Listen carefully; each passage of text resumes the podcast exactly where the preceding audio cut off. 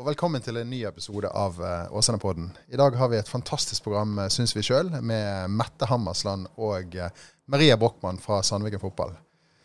Åsebuen Maria hun kan faktisk ta cupgull med Sandviken på søndag, og neste uke så kan hun bli seriemester med det samme laget. Uh, I dag så har vi også med oss uh, Jon Christian Øvrebø, kultursjef i Åsane, for i helgen så starter kulturfesten.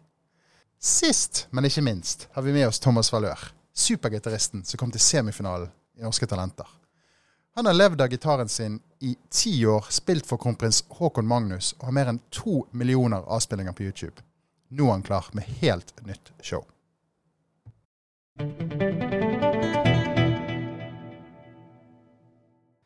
Samme høst som Sandviken-damene spiller cupfinale, kjemper om seriegull og skal ut i Champions League til neste år, river treneren for Sandviken-herrene ned plakatene av damene i garderoben som begge lag benytter seg av.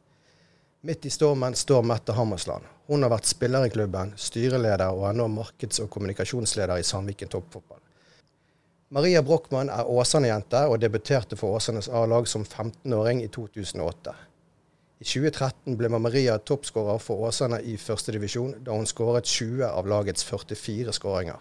Året etter signerte hun for Arna Bjørnar i toppserien. I 2019 ble hun Sandviken-spiller og skåret 14 mål på 24 kamper i sin debutsesong.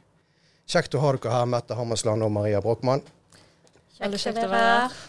Med oss har vi også Åsane Tidende-journalist, Tottenham-supporter og tidligere strateg på Frøya, Erik Madsen. God dag, god dag. Og for et år det er i ferd med å bli for dere. Denne høsten så kan Sandviken vinne både cup og serie, og neste år så blir det Champions League. Eh, det er historisk for klubben, det som skjer nå. Og så skal dere skifte navn til Brann. Ja, det er jo hardt og brutalt det, da. Men eh, tenk hvor en avslutning det kan bli i Sandviken. Og eh, alle de pokalene som vi vinner nå i høst, de blir jo stående igjen i klubbhuset til IL Sandviken, da. Og så er det jo fremtiden, og det er den vi må tenke på. Hvordan det skal bli for alle fotballjentene i Bergen. Ja, Er det sånn at dere på en måte har dratt det så langt som dere kan eh, i Sandviken nå? Ja da, jeg opplever jo det at vi virkelig har skvist den sitronen når det gjelder både menneskelige ressurser som er i klubben, og ikke minst økonomiske ressurser. Du er blitt kalt mor Sandviken med noen anledninger, og du står samtidig nå i front for å gå inn i Brann. Var det et vanskelig valg?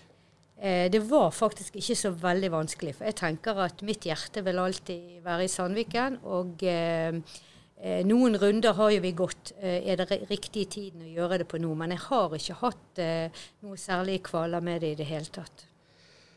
Du har tidligere fortalt meg at du og Laila Konglevold, en sentral person i Sandviken, hadde en samtale eh, om dette som ble viktig for deg. og Det må du fortelle. Eh, ja, det er da vi begynner å grine. Nei jeg skal prøve. Eh, det er jo sånn at jeg sier til Laila dette er vanskelig, det vi nå skal snakke om.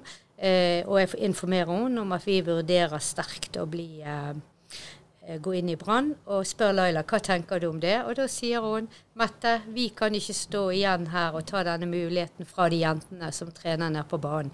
Vi må gi den muligheten som er akkurat nå. Så det er jentene som står i fokus?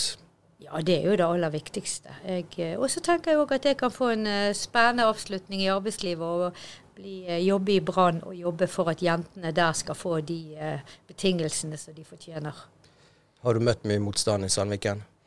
Jeg har jo møtt en del opp gjennom årene. Det har vært noen humper på veien. Og eh, vi har nå liksom alltid klart å komme ut av det. Men det, det, er som i alle klubber i Norge. Jeg tror nok jentene har måttet kjempe seg frem overalt. Det navneskiftet, har du møtt motstand rundt det i Sandviken? Eh, Lite grann. Men det er på en måte alle de som er i toppfotball heier veldig på dette og syns det er utrolig kjekt. Og så er det hos oss, som litt andre steder, noen som eh, gubber som plutselig kommer på banen. Hvor de kommer fra, vet ikke jeg. En av gubbene er jo omtalt i bl.a. i eh, Bergensavisen etter årsmøtet på stadion for kort tid siden. Harald Johannessen gikk opp på talerstolen og gjorde vel egentlig mer eller mindre narr av alle som var for et samarbeid. Han var livredd for at dere skulle kreve styreplass, at spillerne ville kreve samme lønn, og at dere ville sette Brann sin økonomi i fare. Du satt på første rad. Hva tenkte du? Ja, eh, jeg tenkte at det var liksom en sånn skikkelig gufs fra fortiden. og Det var veldig spesielt. Og det var vanskelig å ta det alvorlig. Og jeg tenkte han hadde ikke satt seg inn i eh, hvordan det er toppfotballkvinner i dag i det hele tatt. Eh, lik lønn, har det vært tema? Eh, nei, men det vi snakker mest om, det er jo likeverdighet og eh, hvordan eh, disse jentene kan få det så likt som mulig i forhold til det som, som herrespillere har i dag. Så tenker jeg at lønn eh, vil være noe som eh, kommer litt frem i tid. Nå har det gått 45 år da, siden uh, jenter fikk spille seriefotball for første gang. Hvor langt har vi kommet nå med hensyn til vilkår? Like vilkår? Eh, mye er jo blitt eh, mye Altså, spillerne opplever jo selvfølgelig en helt annen hverdag enn det vi hadde. Det kan jo ikke sammenlignes. Og med tilrettelegging. Men fremdeles så tenker jeg at vi skal feire 8. mars. Jeg lurte litt på litt oppfølging på dette her. Eh, når du sitter stille på fremste rad på dette styremøtet. Eh, du som har kjempet så mye for kvinnefotballen i så mange år. altså, Var det vanskelig å ikke si noe? Ja, det var kjempevanskelig. Du har, egentlig hadde jeg bare lyst til å gå på han litt, men mm. Eh, det kunne jeg jo ikke. Så enkelt er det jo ikke. Nei, det var veldig vanskelig, for du mm. følte at han uh, sa så mye feil. Mm. Um, da skal vi litt til Marie òg, um, som en av de største profilene, i hvert fall på, på, på kvinnesiden, uh, for Åsane i, i, en årrekke. Um, du debuterte for Åsane sitt A-lag allerede som 15-åring. Kan du si noe fra, fra den tiden? Husker du noe derfra?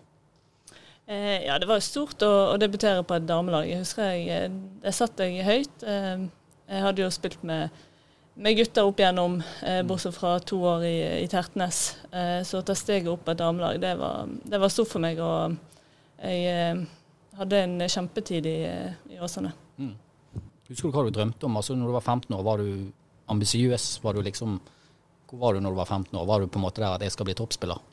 Eh, ja, det har vel egentlig alltid vært eh, drømmen. Jeg drømte jo om eh, Manchester United eh, og, og, for så vidt eh, Brann òg. Eh, alltid vært eh, Brann-supporter, så den gang var det Men det var stort sett herrespillere jeg så, så opp mot, da. Mm. ja. Um, også litt om Åsane, som um, i ferd med å gjøre sin beste sesong siden du spilte for Åsane. Da ble dere nummer tre i førstedivisjon. Um, nå kan de risikere å rykke opp og kan møte Sandviken eh, eller Brann i toppserien neste år. Um, kan du si litt om, Følger du fortsatt Åsane litt? Følger du med litt på hva de ja, jeg uh, følger, de, uh, følger med ganske mye der. Eh, og det er veldig gledelig at de gjør det såpass bra.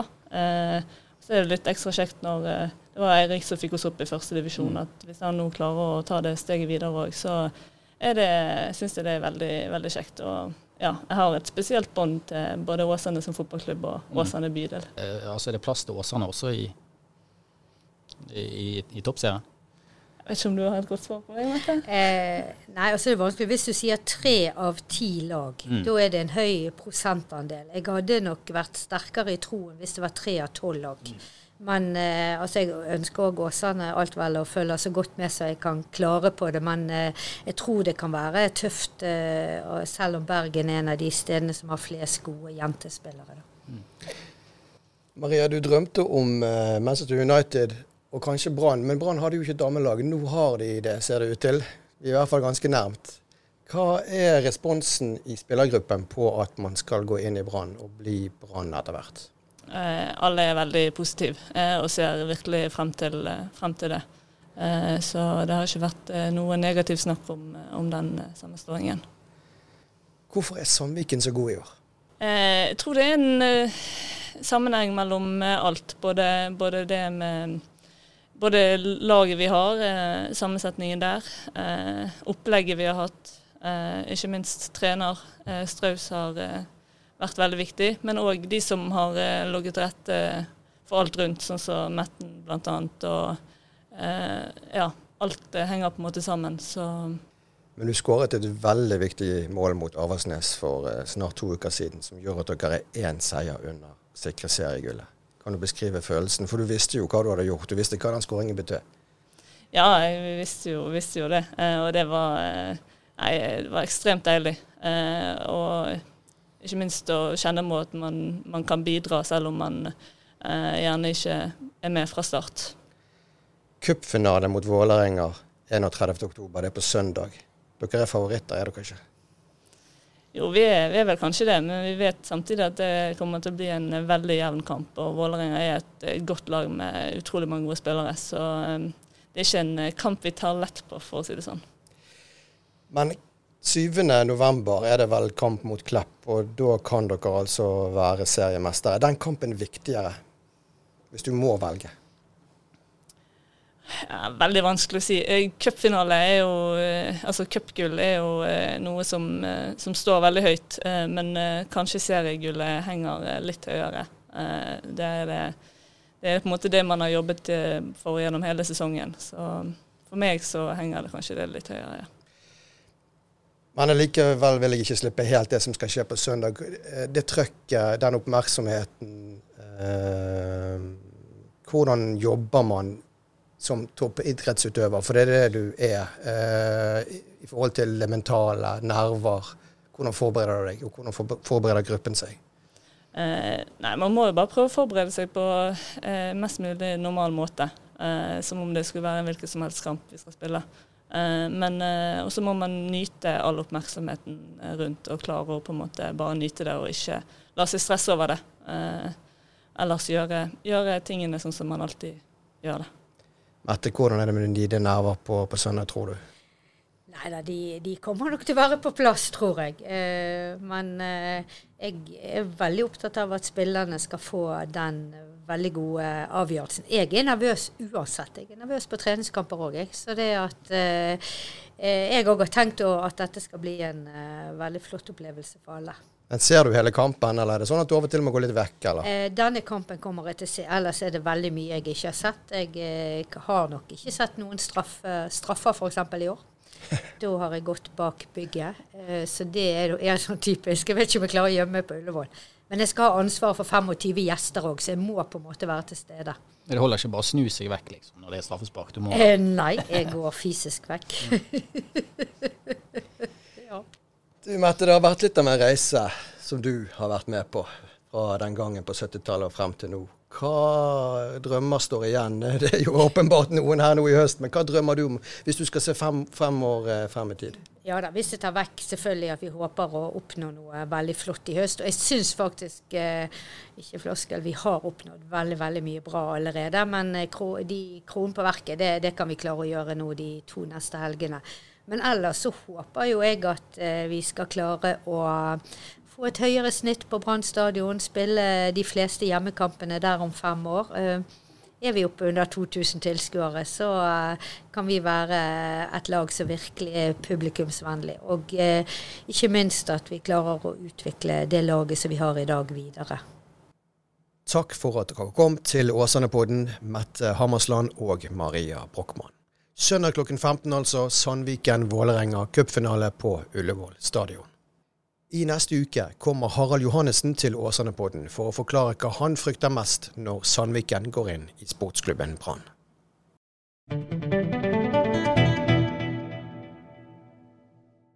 Hei og velkommen, Jon Christian Øvrebø, kultursjef i Åsane. Tusen takk, veldig hyggelig å få komme hit i dag. Veldig kjekt. Så har vi også med oss eh, redaktør Thomas Gangstø. Nå er det jo at eh, det begynner å nærme seg eh, Kulturfest Åsane. Ja. Så da tenkte vi, eh, Jon Kristian, at uh, vi ville begynne med å spørre deg litt om hva er Kulturfest Åsane? Det er jo et en årlig samarbeid mellom kulturlivet i bydelen og kulturkontoret. Og ja, der vi prøver å vise det store mangfoldet vi har av kulturaktiviteter, og gi innbyggerne i Åsane gode, nære, tette kulturopplevelser i nærheten av der de bor. Eh, mm. Dere har jo en del eh, arrangementer som eh, dere har tidligere, som dere gjentar i år. Og så er det også en del nye. Mm. hva tenker du om det? Ja, nei, det, sånn må det jo være. Altså, det er jo Det er jo noe med å eh, hvis, du, hvis, du, har noen gode tradisjoner, så, så må vi holde på det. tenker sånn som eh, Åsane-kvelden har blitt en veldig fin eh, type avslutning med både, sånn, både høytidelig med prisoverrekkelser og med talenter og med tradisjoner, for så vidt. Jeg synes eh, Der har jo de, de tre arrangørorganisasjonene gjort en, en, veldig fin eh, jobb over, over, tid. Og bare styrka seg og blitt, eh, fått et bedre arrangement eh, år for år. Så det gleder jeg meg jo veldig til. Eh, nå når vi, har, eh, nå når vi har en kultursal som tar 485 plasser, og som det er liksom det, Da kan vi virkelig se hvor mye folk vi kan trekke på, særlig det avslutningsarrangementet. da. Har du ellers noen høydepunkt du ser litt ekstra fram til i år? Ja, det er jo vanskelig Eller jeg syns jo alltid det er vanskelig å trekke fram noe foran eh, noen andre, da. Men eh, ja, nå har jo Kulturrådet De har jo åpningen for så vidt med Kulturlunsjen sin, der vi skal eh, formelt sett få overrakt eh, det nye flygelet til Kulturhuset. Det har jo vært der et helt år nesten, men, eh, men eh, det er jo da en gave som, som Åsane kulturråd har tatt initiativ til og organisert da. Eh, og det er et nyrestaurert eh, Steinway modell D-flygel. Som, eh, som jeg ikke har råd til å kjøpe et nytt, men som er et veldig, veldig fint eh, instrument. Som vi prøver å ta godt vare på. Hvem er det som skal få ære av å spille på det under åpninga? Ja, si det. Skal vi se, Der har vi faktisk en, en trippel et, ja, altså en sånn trippelkonsert, faktisk med Luca Kristina Solheim, Vidar Elmholm og eh, Sigmund Toppe. Så det blir jo en eh, veldig fin, eh, åpnings, eh, et veldig fint åpningsarrangement. Hvis vi går litt inn i selve programmet, mm. så ser jeg dere har eh, en del for barn. Dere har mye for seniorer, voksne, litt ungdom. ser ut som dere rekker de fleste aldersgruppene. er du fornøyd med, med sammensetningen i henhold til det? Ja, mm, absolutt. Eh, det er, ja, det er, du nevnte jo at vi har noe for alle. Og det er jo artig f.eks. dette med mm, barnehagebarn. Eh, jo, vi har jo et uh, veldig bra barnehageband her, Onkel Vidars på Eidsvågneset barnehage, som, uh, som, skal komme og, og, prøve å løfte taket på også dette kulturhuset. Det har de gjort før på det gamle kulturhuset. Da brukte det å være 200 unger og virkelig helt enormt ellevilt uh, konsert med allsang. Og nå får vi det nye kulturhuset, og det, det gleder vi oss stort til, altså. Fordi at det ja, Vi vil jo at flest mulig av eh, bydelens aktører skal prøve scenen og oppleve på en måte det, det og, og, ja, og oppleve å, å, være aktør i det kulturhuset. Og da er det bra og veldig kult at man får starte tidlig, altså. Så vi, vi, vi, jobber med mange av de yngre aktørene for, å, for at de får føle et eierskap til, til huset. Nå blir jo eh, Åsane kulturhus selvfølgelig hovedscenen. Men det er jo også en del mindre arenaer rundt omkring i eh, denne flotte bydelen vi har. Mm. Eh, hvor viktig for dere er det å bruke de små arenaene nå når dere har fått, fått et stort kulturhus? Vi, er, vi, er, jo veldig opptatt av at, uh, at, kulturfesten er for hele bydelen. Og at uh, vi ønsker jo å ha arrangementer rundt omkring i, i alle kriker og kroker av Åsane. Og vi ønsker jo ikke at det nye kulturhuset skal være med å ta livet av alle de små lokale kulturhusene rundt omkring. Det, det er det største marerittet, egentlig. Så vi, vi, er jo veldig opptatt av å få at flest mulig av de lokale eh, eh, plassene eh, åpner opp og får, kommer i gang og klarer å ha bærekraftige arrangementer. Så, så det, det, er vi veldig, veldig opptatt av. Men, men, eh, men, så er det jo det at vi, vi har jo venta veldig lenge på dette kulturhuset. Og det, og det er jo kulturlivet som har ønska det og stått på barrikadene for å få det. Så derfor så er det jo også liksom sånn på en måte litt sånn på tide at alle får prøve det. Hva forventninger har du nå i forhold til antall publikummer? Er det sånn at eh, folk bør eh, strømme ut av hjemmene sine og bare kjøpe billetter, eller er det ikke så enkelt, kanskje? Jo, det, så enkelt er det nå, tenker jeg.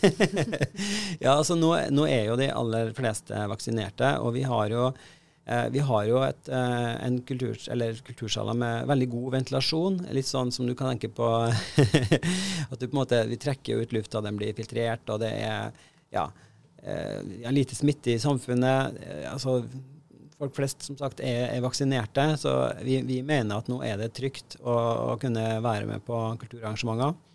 Og vi ser, at, eh, vi ser jo at det begynner å tinne opp på forskjellige områder. Men, eh, men så er det det med vanene til folk, da. ikke sant? Hvis man er vant til og hvis man koser seg veldig hjemme og har det fint hjemme på, på kveldene og koser seg med serier eller et eller annet. Vi hørte på radioen at seriehøsten har starta og sånt. Det er jo mye man, man konkurrerer jo mot eh, digitale medier, da.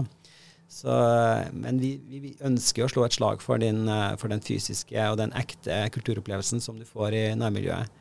Nå tenker jeg at folk bare må se på dette programmet som er ute i alle postkassene i bydelen. I hvert fall de aller, aller fleste, får vi håpe. Og så eh, kjenne sin besøkelsestid og gjøre dette til tidenes eh, kulturfest i Åsane. Ja, nå har man muligheten til å ta med seg en, en venn eller en slektning man ikke har vært ute med på en stund ta, ta, den personen med seg på, på, et arrangement i nærmiljøet. Det tror jeg det har alle godt av. Det, vi trenger det nå. Vi trenger å feire litt. Og da er kulturfesten akkurat det du trenger nå. Veldig gode avsluttende ord fra kultursjef Jon Christian Øvrebø. Tusen takk for at du kom. Thomas Valør, velkommen til Åsane-podden. Tusen takk for det. Kjekt å være her. Eh, du har spilt gitar hele livet, men eh, i 2011, for ti år siden, så eh, fikk du et lite gjennombrudd. Kan du fortelle litt om hva som skjedde da?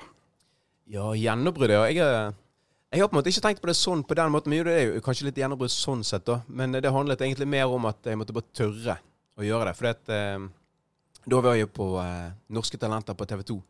Og så så jeg det, altså det var jo da Det var litt sånn fortsatt eh, ganske i vinden, det programmet på den tiden der. Og så eh, så jeg tenkte jeg noen år i forveien og så de programmene at ok, jeg bør jo egentlig, hvis jeg er seriøs om å liksom demonstrere og presentere gitaren sånn som jeg ønsker, da, så bør jeg jo kanskje ta steg og bli med på sånne ting. Men så var jeg veldig sånn eh, litt blyg og litt eh, sjenert og torde egentlig ikke helt den type ting. Å spille på TV var jo egentlig helt sånn glemmesak. Men du kom jo helt til eh, finalerundene. Jeg gjorde det, faktisk. Så jeg var kjempefornøyd med det. Altså. Og det viktigste for meg var egentlig bare den erfaringen å vite for seg sjøl at det går. At en klarer det, faktisk. Jeg kan være med på sånne ting. Så, det, så sånn sett var det egentlig ja, et lite sånn gjennombrudd for meg personlig. At jeg visste at OK, jeg kan faktisk gjøre det. Du er jo, eh, du er jo vokst opp på Rolland, og du har jo spilt gitar hele livet. Uh, I tillegg til Norske Talenter så har du også lagt, gitt ut en del musikkvideoer. Du har nesten to millioner avspillinger på YouTube. Det er bra. Steike. Det er såpass, det er jo helt sinnssykt. Hva Kjempegøy. Tenker du, tenker du om det? Nei, Jeg tenker at eh, det er jo kjempegøy, og så må det bli mye mer òg. Jeg har masse, masse, ideer i hodet, og skrevet ned ganske mye materiale òg eh, siste tiden som har vært nå òg. Så det Hvis ting går sånn som jeg ønsker, så kommer det mye mer òg fremover. Så det er mye som går an å gjøre. Men det er jo kjempegøy. Så har du også hatt uh, show med Kristine Hope. Hope skulder, kne og tå, som var en kjempesuksess på Ole Bull. Ja, det var gøy. Du har, uh, du har spilt for uh, kronprins Håkon Magnus. Ja, ja, stemmer det. Det må du fortelle litt om. Ja, nei, det var jo egentlig på et oppdrag oppe i Trondheim. Og på de type oppdragene så får du egentlig ikke De bare sånn 'Hei, kan du gjøre sånn og sånn? Vi ønsker sånn og sånn type energi og musikk på scenen.' Og så jeg bare 'Ja, det kan vi fikse'. Og så får du egentlig ikke vite så mye mer enn det. og så kommer du opp der, og så 'Å ja, det er live på TV', ja. Det er jo greit å vite. Og så står du liksom i kø. Det er veldig sånn skik skikkelig systematisk. Og så skal du ut på scenen og gigakamera der, og der sitter jo pinadø meg kronprinsen òg. Da var det greit å kanskje ha norske talenter i bakgrunnen? Ja, da kjente jeg faktisk den erfaringen. Har litt, eh, du har akkurat litt å gå på der, altså. Heldigvis. Så det gikk jo bra. Men det var gøy, det. Du har levd av gitar i, i en del år. Ja, faktisk. Uh, men for en som lever av gitar, uh, så er du litt avhengig av å få spillejobb, og du er avhengig av at ting fungerer. Ja. Men i desember 2019 så uh, skjedde det noe som du kanskje ikke helt ventet. Ja. Da var det rett og slett at um, hånden begynte å streike litt, egentlig. Altså du kan tenker det sånn når du skal hvis du går ute, du tenker liksom ikke nå skal foten opp, og så skal jeg ta den fram, og så skal jeg trykke den ned igjen. og så skal jeg, altså, sånn det, er autopil, altså, det er autopilot i musklene som beveger seg, og så plutselig begynner den å svikte. Altså det er at du tenker en bevegelse, og så skjer det motsatte. Og så bare stopper det helt opp. Og det opplever jeg i høyre hånd når jeg spilte på DNS, en forestilling. Så da begynte jo pulsen å stige litt. Og jeg ble, ja, det var litt krise, egentlig. Så da gikk jeg til legen, og etter mye undersøkelser og sånn, så viser det seg at det er noe som heter dystoni, som gjør at eh, hjernen sender feilsignaler til musklene. Så det var ikke noe galt med hånden i seg sjøl, men det er det som styrer hånden, som begynte å streike. Ble helt eh, opp ned, rett og slett. Så det var styrete. Ja, hva gjør man da, da som gitarist? Det du er nødt til å gjøre, er egentlig bare å stoppe fullstendig. Du kan ikke gjøre noen ting. Og så må du ha lang pause, og så må du begynne med rehabilitering. Altså du må lære hjernen å bevege musklene helt fra start. Så må du eh, komme ut av de gamle mønstrene som har liksom bare blitt feil på, rett og slett, og så må du bygge opp helt fra nytt. Så jeg må lære hånden å bevege seg eh, helt fra dag én, egentlig. Men det har jeg gjort nå i snart ett og et halvt år. Men egentlig er det nå du er litt tilbake igjen og har begynt å, å spille? Ja, faktisk. Jeg eh, det er vanskelig med sånn, den re, type rehabilitering. Så er det det er på en måte ikke en graf som går rett opp, og så går litt opp og så går litt ned, og så går litt opp og litt ned, og sånn og sånn, og frem og tilbake. og Så jeg har vært mye i kontakt med han eh, nevrologen oppe på Haukeland. da, Og så, eh, etter vel et år nå, så begynte jeg å merke at ok, det er litt lettere, på en måte. De begynner å samarbeide litt mer. Og jeg får ikke like mye av den eh, feilbevegelsen som kom før. Og da eh, merket jeg at OK, nå plutselig kan jeg begynne å spille en god del repertoar igjen. og og da sa nevrologen òg at eh, nå er det bare å begynne å jobbe. Og så, så lenge jeg holder på med rehabiliteringsøvelsene mens jeg er i jobb, så skal det gå fint. Det må ha vært frustrerende for deg? Ja, det Du går jo på veggen. Du blir helt gal. Altså Du begynner faktisk, du er vant til å spille hele tiden, og så plutselig går det månedsvis et år uten å nesten røre instrumentet og ikke spille noen ting. Du merker nesten at du er litt sånn avhengig. Litt sånn junkie på musikk. Jeg får jo sånn abstinenser av ikke kunne spille. Sant? Så, så det, var, det, var, en ny opplevelse, altså. Men igjen, du merker jo eh, Altså, en setter jo mer pris på musikk når den er tilbake igjen, da. Men nå har jo folk flest det siste halvannet året ikke kunnet gjort veldig mye av det de har eh, elska å holde på med. Eh, hva har du brukt det siste halvannet året på når du ikke kunne spilt gitar? Ja, det er jo det. da. Sånn sett var jeg jo litt heldig med timingen der. For jeg måtte jo egentlig kansellere alt jeg hadde. Og litt sånn shit, jeg, jeg sånn, taper masse inntekt, jeg taper masse muligheter òg. Så det er veldig farlig å være for lenge vekke av bransjen. For da er alltid noen andre som kan komme og ta plassen din, som alle kunstnere tenker. sant? Men eh, Så jeg måtte jo kansellere alt. Og heldigvis, ble, sånn sett, da, så ble jo alt eh, stengt ned uansett. Så det jeg har gjort da, er bare å holde på med rehabilitering, rett og slett. Har du noen gang vært inne på tanken på å måtte omskolere deg til et annet yrke? Det er noe som begynte å eh, Noen i nær slekt begynte å Ja, kanskje du må begynne å tenke annerledes. Nei, helt uaktuelt. Det er bare ikke snakk om i det hele tatt. Det enten så spiller vi gitar, eller så får vi nå se hva som skjer. altså det, det, liksom, det ordner seg, og det er eneste alternativet, tenker jo jeg, da. Det er veldig godt å høre Thomas Valør, at du nå er tilbake igjen eh, nesten for fullt, eller kanskje helt for fullt. Og eh, om en måneds tid så skal du faktisk ha premiere på helt nytt show på eh, ja, Vestlandske Teater. Det stemmer. Min Kenneth heter det. Det ja. må du fortelle litt om. Ja, det tror jeg blir en veldig fin forestilling. Det var han Sigurd Sele som er skuespiller og sanger. Han, han kontaktet meg for egentlig over to år siden nå. Og han hadde sett meg på det Kristine Hope-showet. Og um, han sa at jeg tror det hadde passet til uh, en idé som han hadde om å lage en, en slags forestilling om Kenner Sivertsen. Eller hans, hans opplevelse med Kenner Sivertsen. Og uh, jeg vet jo veldig godt hvem Kenner Sivertsen var, og, og har hørt mye av musikken hans og sånt også, men jeg var ikke klar over alt solorepertoaret han hadde på gitar, faktisk. Og han uh, gjorde meg oppmerksom på mye av den musikken han ønsket å ha med i en sånn forestilling. da. Så uh, vi gikk gjennom litt, og jeg bare tenkte det blir jo kjempefint. Det er jo gullgruve av musikk der. Så nå uh, kommer den forestillingen på uh, Vi skal premiere 27.11. Og det blir utrolig flott, altså. Masse musikk og masse, masse gøy og masse, masse, nært og tull og tøys og masse flott. Dette er vel ikke bare for Vestlandet. Dette er vel kanskje en, en, et show man kan ta med seg rundt på landeveien i, i det lange tror, landet vårt? Det tror jeg, altså. Kenneth Sivertsen er jo, han er jo en nasjonal skatt, sånn sett, så jeg tror det er mange som vil sette pris på det. Og du kommer på en måte inn i dybden på Kenneth Sivertsen på en, eh, på en helt spesiell måte, tror jeg. På en sånn type forestilling. Så jeg virkelig anbefaler det. Det, det ser veldig fint ut, altså. Det er 15 år siden han døde. Ja, det er det. Er det føler du han har fått den anerkjennelsen han fortjener etter at han eh, gikk bort? Nei, kanskje ikke, altså. For det, spesielt på altså, så mye som han gjorde på gitar, så du hører på en måte aldri noe om det da, i gitarverden sånn sett. Altså Alle vet om det. altså Det virker sånn Ja, Kenneth Sivertsen han, han, var jo veldig flink på gitar. Sånn som en kan si om mange, egentlig. Men eh, det blir litt sånn understatement, da. Altså Han var virkelig multikunstner. Altså Han spilte jo klassisk gitar kjempefint. Han komponerte veldig mye flotte sånn perler, sånn korte stykker som er utrolig nydelige. Som jeg virkelig har blitt glad i. da. Og så lagde han sånn fingerstyle country-stykker som er utrolig kule. Og masse jazzmusikk og Eh, komponerte for orkester, gjorde han òg. Altså, han gjorde jo alt mulig. Men jeg tror han, han var på en måte ikke reindyrket til én eh, leir. Så han var liksom innom mange forskjellige stilarter. da. Og det er det som jeg tror gjør at det er såpass unikt, det som han gjorde. Hva har du tenkt å gjøre sjøl videre etter dette showet? Hva planer har du for fremtiden?